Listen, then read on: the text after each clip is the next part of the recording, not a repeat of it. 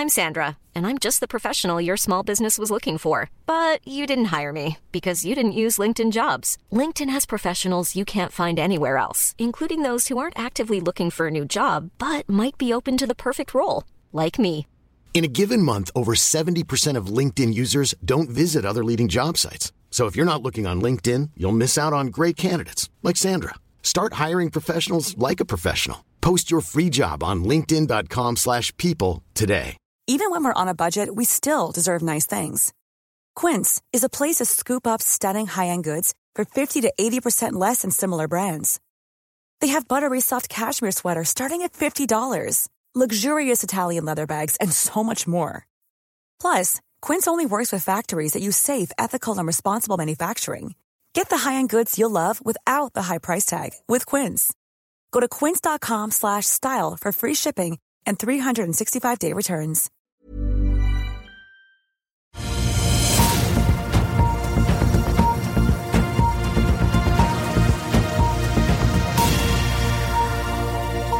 En riktig god fredag alle sammen, og velkommen til Børsmorgen her hos oss i Finansavisen. Mitt navn er Marius Lorentzen sammen med aksjekommentator Karl-Ann Vollnes på plass her på Smestadammen i Oslo på denne fredag 26. januar. Havvindindustrien stokker kortstokken på nytt i et forsøk på å få liv i store amerikanske havvindprosjekter. Hva Ørsted, BP og Equinor gjør, og hvorfor Equinor i beste fall taper over 2 milliarder kroner til, det skal vi fortelle deg straks. Det er varehandelstall fra SSB i dag. Vi har også masse å snakke om i form av oppdateringer fra Archer og SAS. Der kommer kvartalsrapporter fra Scatec og Telia. Og ellers på kalenderen så kommer American Express da før åpning på Wall Street litt senere i dag. Vi har to gjester med oss også. Vi skal både til DNB Markets i Stockholm, som har tatt opp dekningen og gir en tommel opp for fornybarselskapet OX2. Hvorfor gjør de det akkurat nå? Og så skal vi se nærmere da på hva som kan utspille seg i oppdrettsnæringen, nå som EU foreløpig har landet på at oppdretterne har manipulert spotmarkedet for laks nede på kontinentet. Nordias Herman Alexander Dahl er med oss litt eh, senere. Vi får vel si at markedene kanskje tar seg en liten rentepause i dag. I hvert fall i går så, så vi at både Norges Bank og ECB i Frankfurt holdt rentene sine flate, med lite hint om når det kan komme nye kutt. Hovedindeksen er ventet opp 0,2 av DNB Markets i dag. Vi så den ende ned nesten 0,1 i går. På Wall Street var det hyggelig etter veldig solide BNP-tall. Vi så amerikansk økonomi da vokse med 3,1% i fjor, eller 3,3 da i fjerde kvartal. Langt over estimatet på to blank. Ifølge Dow Jones og PC kjerneinflasjonen endte jo også da på to blank, så da har vi jo både vekst og en inflasjon som begynner å nærme seg der den skal være på andre siden av dammen. Og Wall Street lot seg heller ikke stoppe av fallet i Tesla.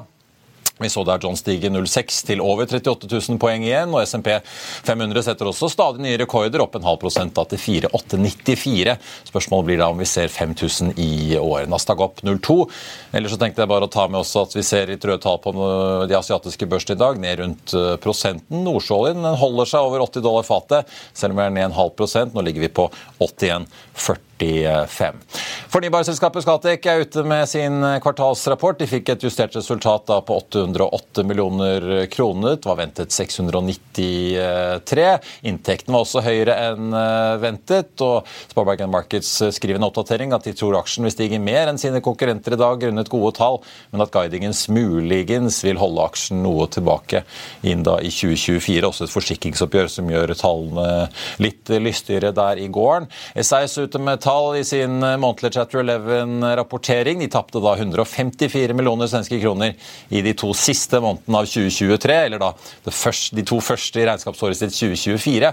Hvis vi titter tilbake da på regnskapsåret 23, som endte i oktober, så tapte jo SAS da litt over 5,5 milliarder svenske kroner. Og som vi fortalte tidligere i uken, så trodde jo SAS at de først skulle klare å gå i pluss i år, da i 2024, men de har kuttet guidingen da til et nullresultat, eller potensielt et tap på 1 milliard svenske kroner.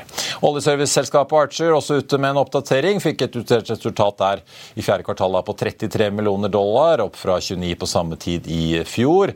Selskapet sier sitat at vi har oversteget den øvre grensen for vår finansielle guiding for 2023. Dette viser at strategien vår gir resultater, og at nøkkelmarkedene våre støtter fortsatt vekst. Det sier toppsjefen. og Vi får også ta med at selskapet har jo eh, likevel slitt med å vise at de klarer å tjene penger opp gjennom årene. De venter da en vekst i EBITDA-en sin, altså brutto driftsresultat, på mellom 15 og 20% i 2024. Karl Han, eh, god morgen. Eh, vi har jo en eh, halvlederaksje som slet mye i går. Det var ikke bare Tesla som slet mye i, forrige, i tidligere uke. Nå er Intel ned nesten 10% på sin kvartalsrapport. Ja, det skjer ting med sykliske aksjer globalt. da. Intel så de tar ned forecastene på inntektene i dette kvartalet her mellom 1 og 2 milliarder dollar. Venta 14,2, og ny guidance er 12,2 til 13,2. Og eh, Samtidig så har Federal Trade Commission i USA, FTC, som er sånn slags konkurransetilsyn, kan vi kalle det?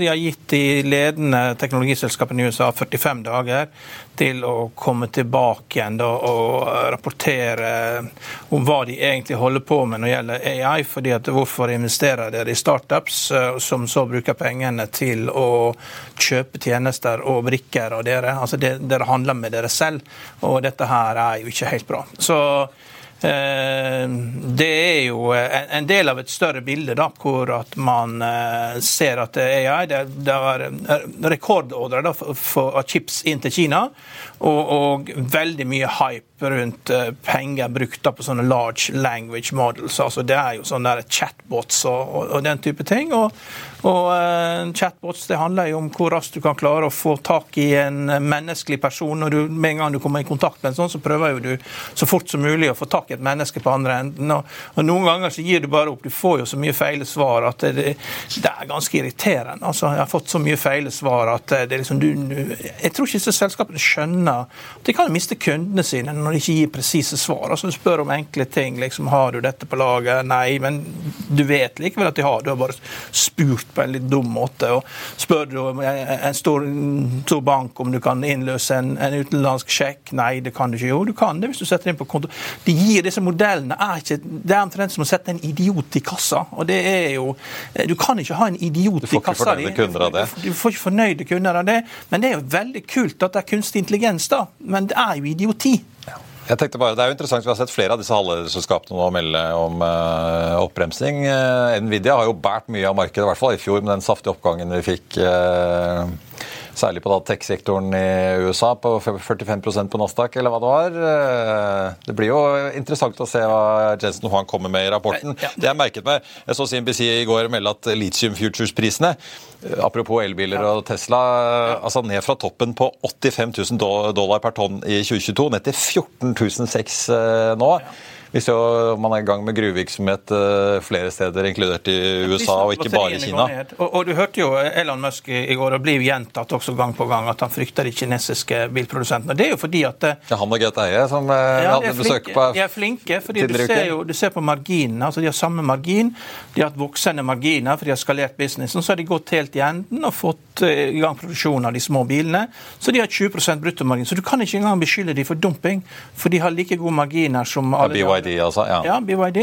Og det er klart det er ikke alle kinesiske selskap som er like gode, men igjen, altså, det viser jo bare hvor bra det selskapet er. da, den Charlie Munger og Warren Buffett har jo også investert i. De kommer fra en batteribakgrunn. og når Elon Musk da går ut og sier at de kommer til å ta over alle markedene der det ikke er tariffs, eh, så er det klart USA vil jo ikke skje, for der er 25% tariffs, men det er vel for fabrikken sin i Europa han eh, er redd for. da, og Det er liksom det er oppfordringen til Europa har lyst til å ha en bilindustri igjen. fordi ikke? Eller ikke, fordi at uh, han, vil, han, søker jo beskyttelse da for Berlinfabrikken, slik at det, han kan skalere det opp. Men, men det, å, det, å, selge små biler i USA og Tyskland, det er ikke de enkleste markedene å selge små biler. Det må du... Nei, og Porsche dro jo, Vår kollega Håkon Sæbø er jo i Singapore, eh, hvor Porsche avdekket sin nye mellomstore elektriske SUV Macan. Eh, litt ironisk nok, de drar til Østen mens Østen kommer hit. Men det er jo ikke bare Elon Musk. Vi har sett Stellantis-sjefen også med merker som altså, mange av disse franske merkene og Jeep og Eh, flere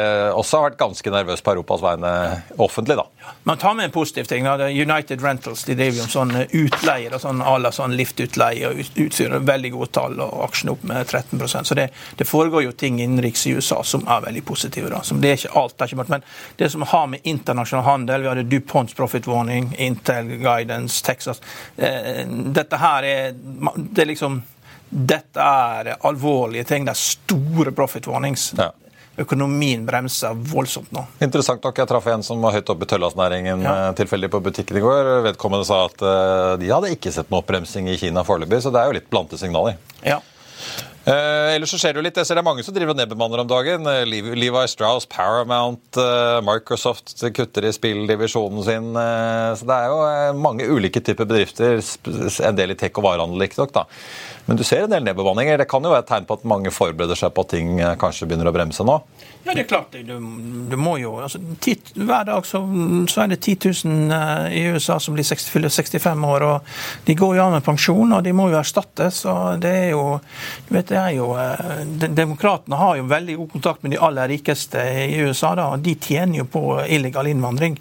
Uh, det er jo et sted mellom 10 og 30 millioner illegale innvandrere til enhver tid i USA. De, de tar de jobbene som gjør at samfunnet fungerer. De står i oppvasken på restauranten i Las Vegas. og mange jobber som folk i USA ikke vet eksisterer lenger. Det tar jo da de illegale innvandrerne. De er overalt. De banner garasjene. Her for Puerto Rico så jobber det en garasje. Dry cleaning er ikke solgt lenger, men det er, det er, det er kinesere og asiater. Altså, for å få USA til å gå, det har alltid vært en stor del illegal innvandring. Og Dette vet de aller rikeste, og det er derfor demokratene ikke prøver å er altfor harde med å stoppe dette. her. Men det er klart det går jo utover de som uh, ikke vet hvordan USA, som lever en beskytta tilværelse, da, som ikke egentlig vet hvordan, hva som får landet til å fungere. Det er de illegale innvandrerne som er der. Og, og, og, og, Systemet er jo genialt, for du vaskes jo inn i samfunnet. Hvis du gjør det bra, så gifter du deg, og får du barn. Og, barna dine blir jo amerikanere. Så uansett, selv om du ikke sjøl blir Det er liksom en sånn totalt gjennomført dobbeltmoral. Hvis du har en jobb, har du en jobb, så blir du gift, får du barn, og så da kommer du inn i samfunnet. Smart plan. Jeg tenkte ellers bare å nevne, Vi hadde jo besøk av Vipps-sjefen tidligere i uken i Økonominyhetene. Det skjer jo nå ting. da, At Apple eh, blir tvunget eh, av EU til å åpne opp eh, systemet sitt. I går la de da frem en plan for hvordan AppStore-systemet skal åpnes. Men det blir bare i EU-land, ikke i Norge, hvor man da kan kjøpe apper fra andre steder enn AppStore. Så har jeg nevnt da havvind, som jeg også må innom før vi snakker fornybar med det med Markets. For det er jo ikke lenge til da Equinors kapitalmarkedsdag i London 7.2, men det skjer store ting. BP og Equinor de stokker nå om eh, kortene. For etter at Equinor da i september 2020 annonserte at de fikk inn britene og kunne innkassere 1,1 milliarder dollar i gevinst, da når BP kjøpte halvparten av havvindprosjektene til Equinor, Empire og Beacon i USA, så har ting nå endret seg. De to skulle jo ha et langvarig partnerskap, men i går kom meldingen da om at de går hver sin vei i en byttehandel, som eh, skal gjøre at de to har muligheten til å prioritere fleksibelt etter sine egne strategier, som de skriver. BP overtar hele Beacon-utbyggingen utenfor Massachusetts. Equinor overtar hele Empire, inkludert denne terminalen i Brooklyn eh, som de holder på med. I et prosjekt, altså Empire, der fase to ble lagt i skuffen nå etter nyttår. Fase én jobber de likevel med, men de altså søker eh, om større subsidier fra amerikanske myndigheter i New York. Og Gitt at de da får gjennomslag, så regner Equinor med å kunne levere i nedre del av avkastningsmålet sitt på fornybar, som er på 4-8 reelt sett. Og Det er jo et, et bånd, et mål, som allerede er kuttet fra hva Equinor planla opprinnelig. Equinor regner også med tap på 200 millioner dollar til hvis New York sier ja til økte støttenivåer. Så Det er derfor jeg sa i beste fall så taper de litt over 2 milliarder norske kroner til. Og så gjør de også litt endringer i investeringsprofilen, eh, pluss-minus 2,5-3 milliarder dollar blir skjøvet nærmere i tid, eh, mens det da blir mindre investeringer i perioden 2027 til 2030 viktig. Men eh, det er jo ikke gitt at New York sier nei. De har sagt nei til havvindindustriens eh, forespørsler om økte støttenivåer før eh, de. Får også ta med at Beacon Wind til BP da, de trekker seg fra kraftsalgsavtalen med New York, de også. Og Så gjelder det bare å følge litt med her nå, for nå skal vi til danske Ørsted, som vi også må titte på. De kommer også med kvartalsrapporten 7.2, så det blir jo en skikkelig havvinddag. De gjør også nå en deal med sin amerikanske partner Eversource, litt som Equinor og BP gjør, der Ørsted nå tar over hele selge eierandelen til Eversource og blir heleier i sitt eh, prosjekt utenfor New York, Hot Sunrise Win, Wind, gitt da at de også får gjennomslag i New York da for økte støttenivåer. Og så får vi jo ta med da at Equinor selv mener dette er en sitat verdiøkende mulighet hvis de får dette til. Det med Marcus Helene Kvilhaug Brøndbo skrev en oppdatering eh, som dekker selskapet, altså, at hun mener eksponeringen økes da mot et utfordrende havvindmarked i USA, og at også det blir økte investeringsforpliktelser rammebetingelser for Ørsted frem mot 2026. Men Ørsted har kommet med enda flere meldinger, de, for de har også trukket seg fra avtalen de har med Maryland i USA om vindparkene Skipjack 1 og 2, som ligger da utenfor Maryland og Delaware, fordi vilkårene i dagens marked ikke lenger er kommersielt bærekraftige, som de kaller det. Ørsted har jo samtidig da South Fork-parken utenfor New York, som de har bygget ut, og som kommer i produksjon en av dagene nå. og De er i gang med byggingen av Revolution Wind utenfor Rhode Island, men her snakker man jo om prosjekter som er basert på leverandørkontrakter inngått før inflasjonen tok til for alvor, som jo også gjorde det mulig å gi grønt lys til en britisk park kalt Hornsea før jul. Vi har fortsatt til gode å se grønne lys til havvindprosjekter i dagens kostnadsbilde. Vi er tilbake med det med i Stockholm rett etter dette. Vil du bli oppdatert på det viktigste som har skjedd innen finans og næringsliv? Da er det bare å følge med, for hver morgen er jeg, Marius Lorentzen og aksjekommentator Karl Johan Malnes på plass i studio for å ta tempen på dagens marked i Børsmorgen. Og hver ettermiddag oppsummerer vi alt du trenger å vite i økonominyhetene, og det blir selvfølgelig masse interessante gjester. Klikk deg inn på fa.no-tv, eller søk opp Børsmorgen og Økonominyhetene der du hører på podkast.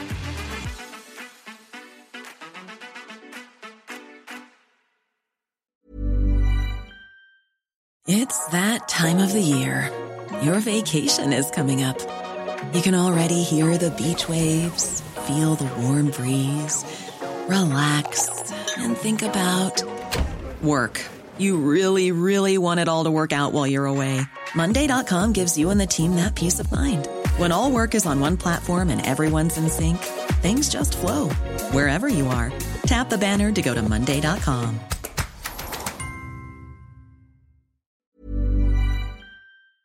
I'll see you in court.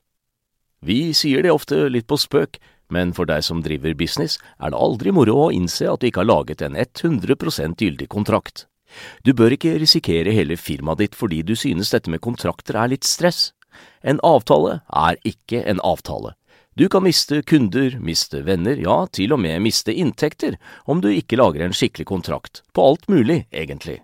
Men vi vet det er et styr kopimaskiner, tregprinter og haugevis av papir. Dessuten stoler vi jo på folk her i landet. Det er ofte litt kleint å skulle be om en signatur for alt mulig, ja, for mye av styret handler også om jakten på underskriften. Det finnes en enkel måte å løse dette på, Dukkobit, en trygg, effektiv og get this, gratis måte å sikre seg en god natts søvn pluss en juridisk bindende avtale. Dukkobit-appen har de strengeste sikkerhetskrav i bunn, samt en EU-godkjent og sertifisert teknologi. Framover vil det bli behagelig å spørre du, skal vi skrive under på det, eller? Kom i gang på dukkobit.no.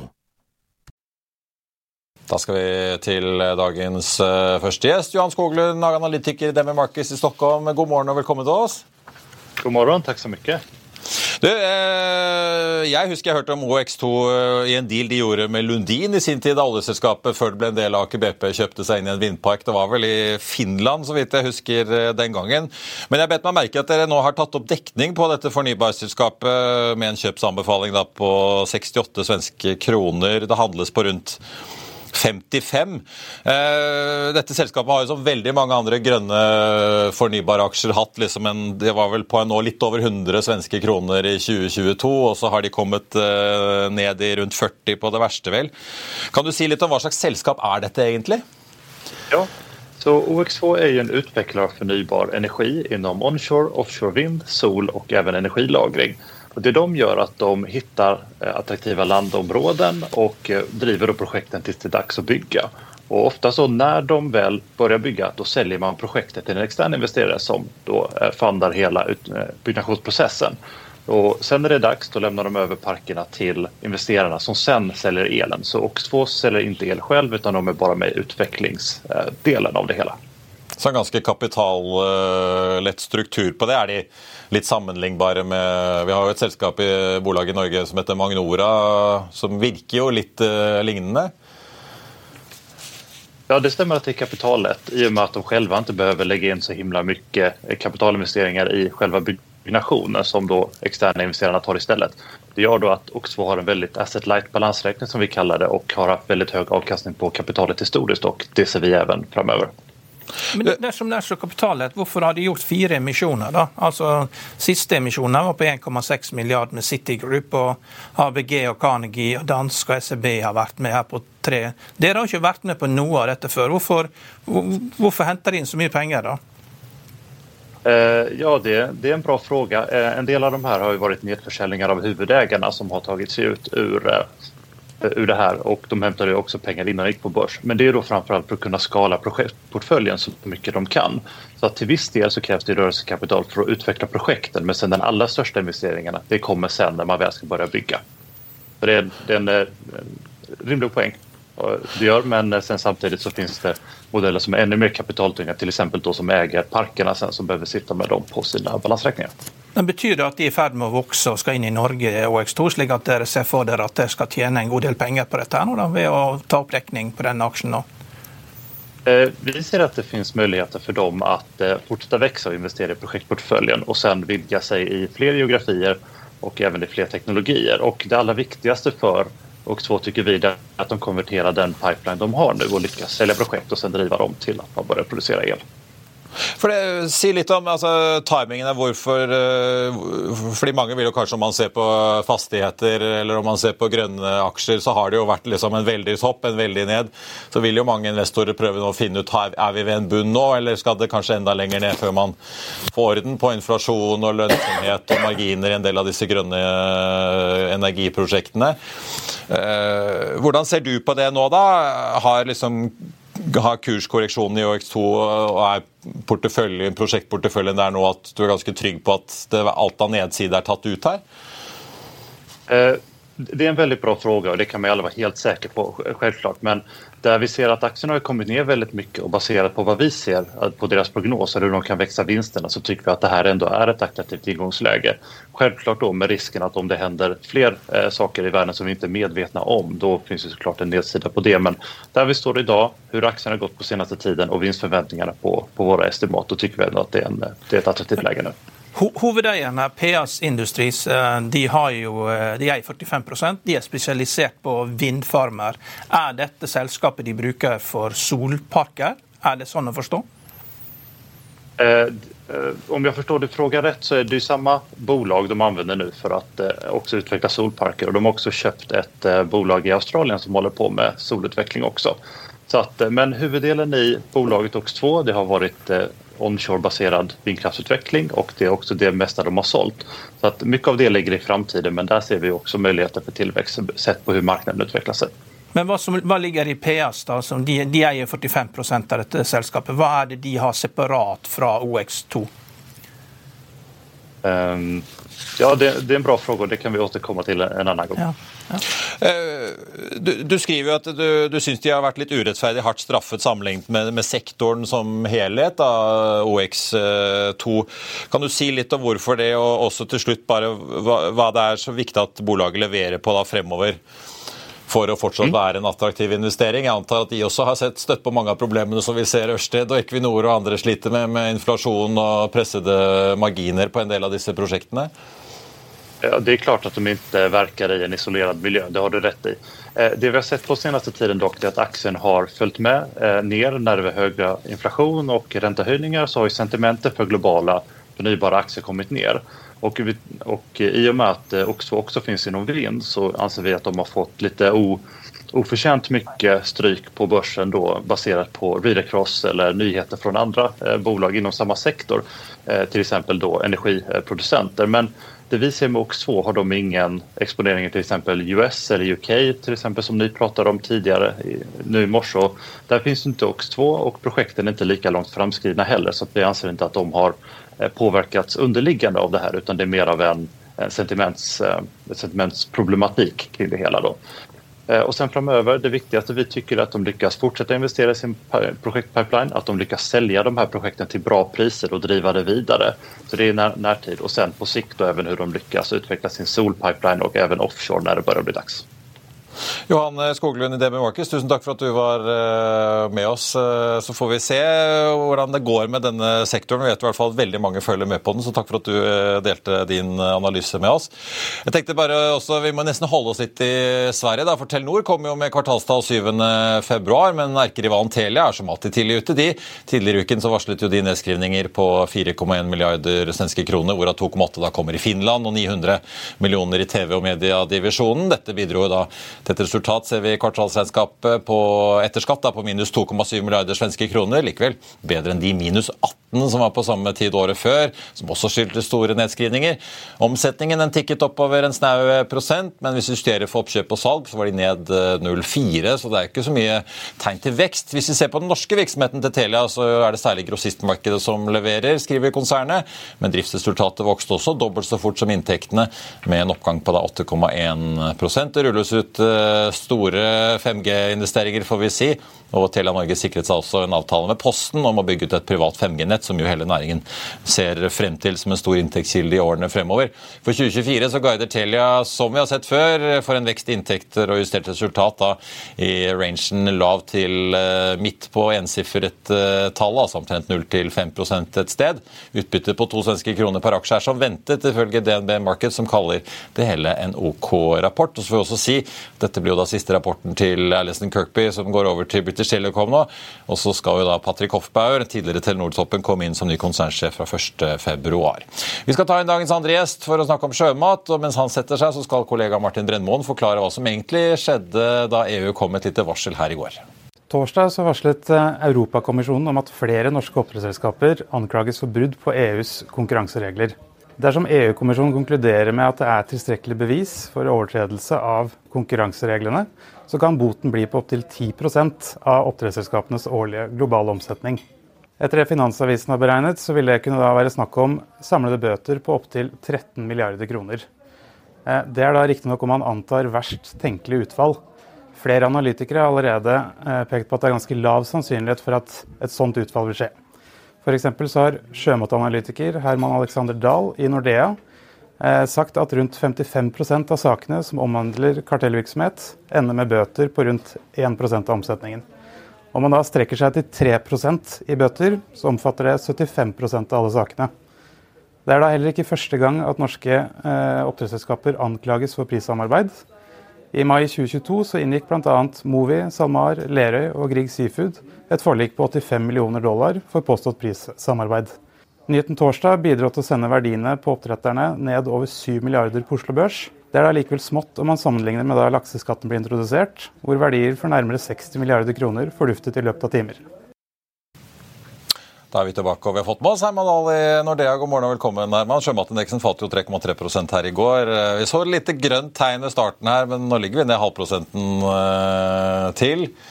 Eh, du har med noen slides. Jeg kan se om vi kan få opp de. fordi at uh, Dere har jo sammenlignet litt med hva dette Altså, vi kan, ja, vi kan, begynne med den første her, som viser bare så jeg tar det da, at uh, hvordan sjømatsektoren i forhold til andre næringer er det vel? Ja, Vi har kikket litt på, på, på, hva som har foregått tidligere når Europakommisjonen har gjort, uh, gjort lignende undersøkelser og, og, gått i sak mot selskaper som de anklager for, uh, for kartellvirksomhet. Uh, og, og, det vi har sett da, er at bøtene de normalt sett har delt ut, har vært betydelig lavere enn det man kanskje kunne se på som et worst case-scenario i går. Eh, for eh, de høyeste bøtene de kan gi for kartellvirksomhet, er 10% av den globale omsetningen til selskapene. Ja. Eh, og det er jo voldsomme tall, selvfølgelig. Mellom 15 og 17 milliarder, hvis man ser på, på oppdretterne. og Hvis man skulle se på worst case scenario, så betyr det at de ville betalt ja, 150-160 millioner euro i bøter. Eh, dersom de skulle betalt 10 av, eh, omsetningen.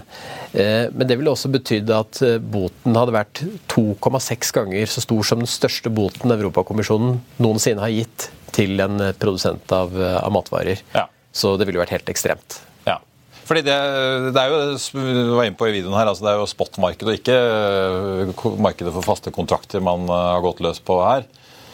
Ja, Hvor stort er dette markedet av liksom bransjen? Det stemmer. Normalt sett så gjør oppdretterne et eller annet sted mellom 20 og 40, kanskje mellom 30 og 40 av, uh, av volumene sine på kontrakt. Og så er resten spotmarked, hvor man forhandler priser fra uke til uke. Uh, og det er nok et ganske mye mindre, mindre profesjonalisert marked enn f.eks. markedet for, for, for hvete, soya, andre produkter som er ekstremt, ekstremt fintunet, hvor det er enorm likviditet. Eh, I, eh, i oppdrettsmarkedet så, så, er det mer sånn at man eh, fra uke til uke forhandler priser basert på de tilgjengelige volumene, kvaliteten på den fisken som skal ut i markedet i, i uken etter, og, og, sånne ting. Og det kan jo også hende at det er noe av kimen til, til, det EU nå undersøker, da, og har undersøkt siden 2019. Nettopp at eh, det ikke er så mange aktører eh, som, som, forhandler disse prisene. Eh, Norge er jo et lite land og står for over halvparten av all eksporten av eh, atlantisk laks. så det er jo åpenbare, eh, åpenbare fallgruver her. Eh, når det er få aktører eh, og man diskuterer priser, volumer om hverandre. Kanskje en eksportør både prate med Movi og Lerøy, eh, og så kan han være litt eh, slepphendt på telefonen og, eh, og, dele informasjon der det egentlig burde vært vanntette skott. Ja, for det er det jeg ser EU, som man leser uttalelsen fra EU-kommisjonen. Det er jo, som Konkurransetilsynet er hjemme også sier, et foreløpig vedtak, da, så vi får se hva det endelig blir. Nå skal det jo komme høringssvar. Men det er jo, de anklager jo denne gjengen for å mellom 2011 og 2019 da utvekslet sensitiv informasjon om volumkapasitet og alle litt sånne sentrale brikker i et uh, marked. Da. Men er det en diskusjon i næringen om dette bør profesjonaliseres mer. Det er jo en næring som begynte det små, har vokst veldig fort. og Vi har jo Fishpool, denne fiskebørsen, men det er kanskje ikke der noen av disse volumene går over? Det går, går noen volumer på Fishpool, men uh, sammenlignet med totalmarkedet så er det ganske beskjedent. Um, um, og så er det klart, som du sier, da, uh, markedet har jo vokst ekstremt fort, og næringen har vokst ekstremt fort. Så fra man produserte noen 100 000 tonn i året for, for 15-20 år siden, så, så sender man nå 40 000 tonn laks ut av Norge de, de aller heteste ukene. Så, så, det er klart det har vært en rivende utvikling. Og eh, liksom profesjonaliseringen med informasjonshåndtering og alle disse tingene har kanskje ikke hengt helt med i, i svingene. Så, så, det kan være noen utfordringer der. Men jeg tror blir, blir veldig overrasket hvis oppdretterne har gjort dette med, med, komplett overlegg, altså at de har diskutert og avtalt priser seg imellom. Eh, det har jo vært problematikken i noen av de andre sakene som eh, som vi viste her på denne grafen, at man faktisk har eh, samtaler der eh, bananprodusentene snakker seg imellom og avtaler prisen for neste uke, eh, og volumer, og de avtaler til med hvem som skal serve hvilke kunder. Så dersom, dersom det skulle vise seg at det noe i, er noe i den størrelsesorden, så ville det vært en komplett skandale. Ja. Men Er dette den samme saken der man har gjort en eh, settlement i USA? Er det en helt identisk sak? Eh, nå kjenner vi ikke alle detaljene, for, eh, for Europakommisjonen har ikke lettet komplett på sløret. Men, men vi har noe grunn til å tro at det er mye av det samme det handler om, ja. ja og Da inngikk man en settlement der man vedtok å betale en bot uten å innrømme noe skyld. Yes, ja. det stemmer. Så får vi se hva som skjer nå. Men ja, nå forduftet vel 7 milliarder pluss-minus i børsverdier i går. Ikke i nærheten av hva som gikk da aksjeskatten eh, kom. Nei. Men du mener at det er altfor mye, disse 7 milliardene? Ja, Vi tenker at det er en overreaksjon. og var som sagt sjømatindeksen ned 3,3 i går. Um, vi, vi, anslår at uh, impact av dette burde være 1-3 uh, på, på markedcapen til, til oppdrettsselskapene. Så, så da er du helt i den øvre rangen av det. Men, men, det er klart her, i tillegg til eh, det økonomiske impactet dette har, så, så gjør det at eh, investorene blir bekymra. Ja, for jeg antar telefonen din gikk litt varm i går ja, eh, fra kunder. Var, hva, var det, hva, slags feedback var det du fikk, og hva slags spørsmål var det folk hadde? Den, den, var, den var, rimelig het. Og um, de norske investorene er rimelig konstruktive og, og husker denne saken fra 2019 og at det har vært et ongoing concern. Um, de utenlandske investorene ble nok mer overrasket uh, og, og føler at det er vel mye uh, negativ newsflow nå. Først med lakseskatt og stor overraskelse der sånn. og Om det ikke skulle være nok at eh, Løvebakken tar, tak i oppdretterne, så, så er Brussel på dem også.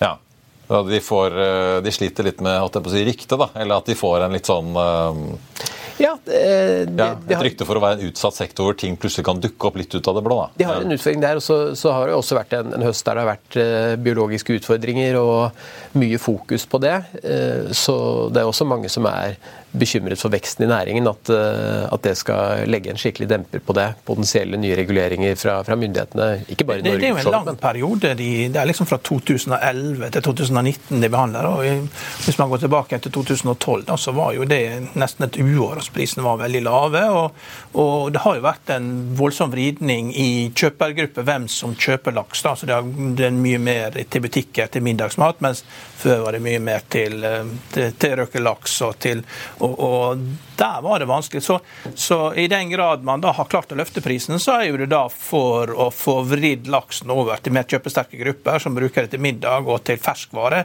istedenfor å prosessere det. Så at man liksom har kommet ut av et klamt grep da, der at prosessindustrien da har blitt eh, har blitt skadelidende da, fordi at de ikke gjorde nok for laksen, da, mens man nå har klart å få solgt den til en høyere verdi eh, ved å få løfta prisene.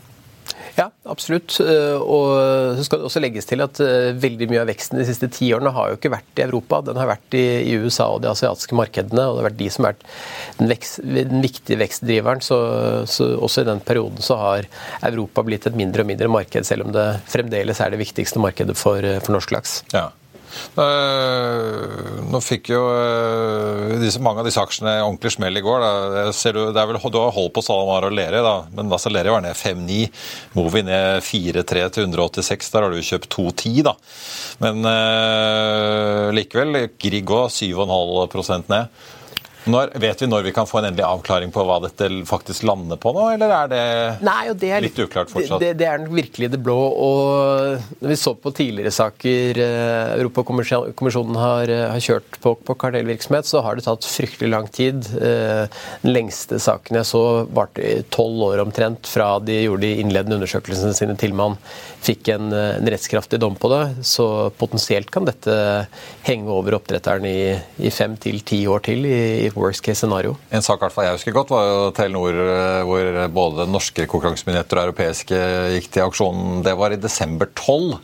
Og Det er jo så vidt eh, hele det sakskomplekset er avsluttet eh, for et par år siden. Ja, men, men, nå har man en fordel at det har vært en, det, det lignende, lignende sak i USA. Og det er klart at man, Advokaten har vel nok å gjøre. liksom, Man trenger jo ikke skape noe sånn arbeid for trygd for advokatene. De har nok å gjøre. så Man trenger ikke holde de i gang. Men no, dette er jo kjent problemstilling. Ja. Det må jo gå an å gjøre dette mye raskere når du allerede har en, en settlement fra før. Ja, og I tidligere saker så ser det også ut som at Europa, Europakommisjonen har vært rimelig pragmatiske. Ja, ja. Eh, det er vel 50% settlement rate omtrent, ja. Eh, kanskje litt i overkant av det til og med. Så, så kan det hende at du får en eh, litt ekspeditt prosess hvis du får en eller annen form for innrømmelse fra eventuelt en, en eller annen innrømmelse fra oppdretterne, hvis de er interessert i å eller føler at de har noe å innrømme, så, så kan det at man får ting unna raskere. Og får det unna, rett og slett. Jeg ser Samar er jo ute og sier de er sterkt, som de andre egentlig, er sterkt uenig i påstanden her, og viser jo til at dette begynte i 2019 med en inspeksjon hos Scottish eh, Sea Farms. Mm -hmm. Burde de selskapene ta litt sånn grep nå for å komme det dårlige ryktet sitt litt i møte nå opp mot årene, eller? Vel, når det gjelder priser, så har de gjort det eh, de siste årene. Eh, eller også altså, det du kan kalle for prissamarbeid eller informasjon som ble delt. Altså, har vi som analytikere spesielt har merket at oppdretterne er veldig veldig mye mer forsiktige med å snakke om kontraktspriser og, og hvordan de ser, ser, markedet, nettopp fordi de er redd for å dele sensitiv informasjon som konkurrentene deres kan bruke i sin pris, prissetting igjen, da, og at det skal komme en ny sånn situasjon som de dessverre er i nå. Men kan, kan, dette presse marginen i næringen hvis kjøperne nå vet at nå er den gjengen der Nå har de EUs søkelys på seg, så nå eh, er de liksom veldig forsiktige? At eh, kjøperne kan presse prisene nedover? Jeg, jeg, tror ikke det. Nå er det så bra driv i etterspørselen etter, etter, laks, og, og, tilbudet vokser veldig veldig beskjedent. Så, så, jeg tror nok at markedet er såpass stramt at det er vanskelig for, for, for kjøperne å få presset prisene noe særlig ned. Ja.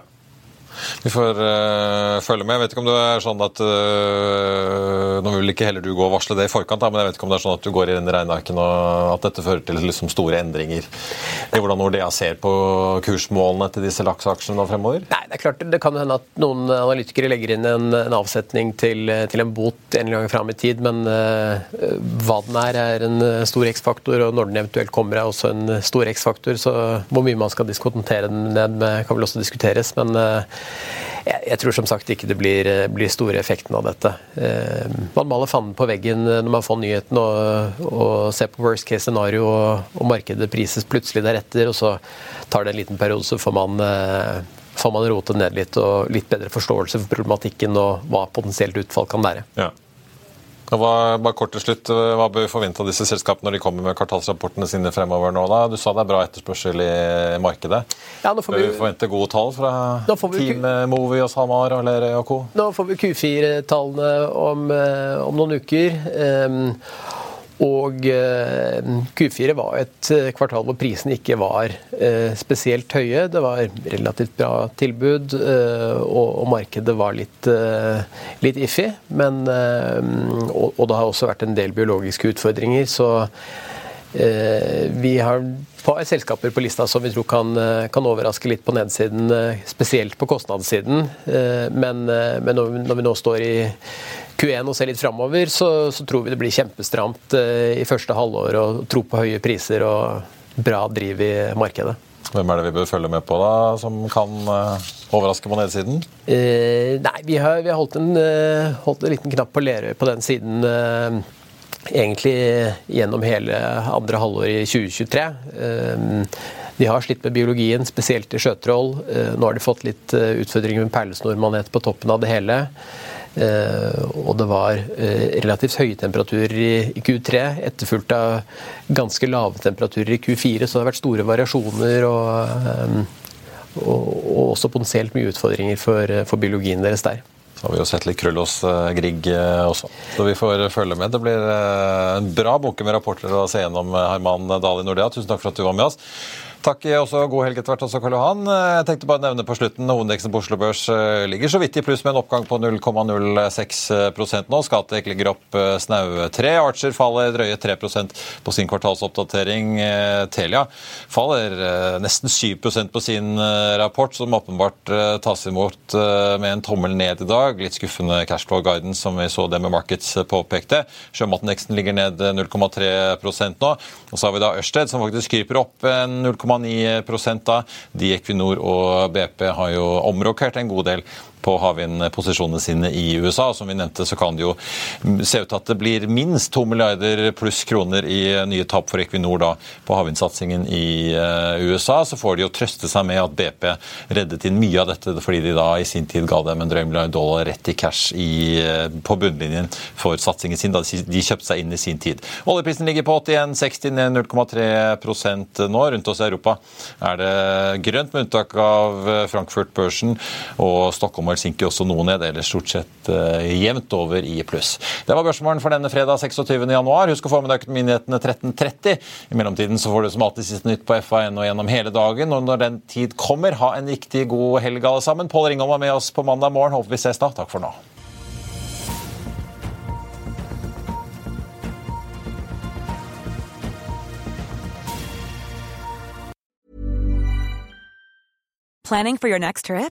Elevate your travel style with Quince. Quince has all the jet setting essentials you'll want for your next getaway, like European linen, premium luggage options, buttery soft Italian leather bags, and so much more. And is all priced at 50 to 80% less than similar brands.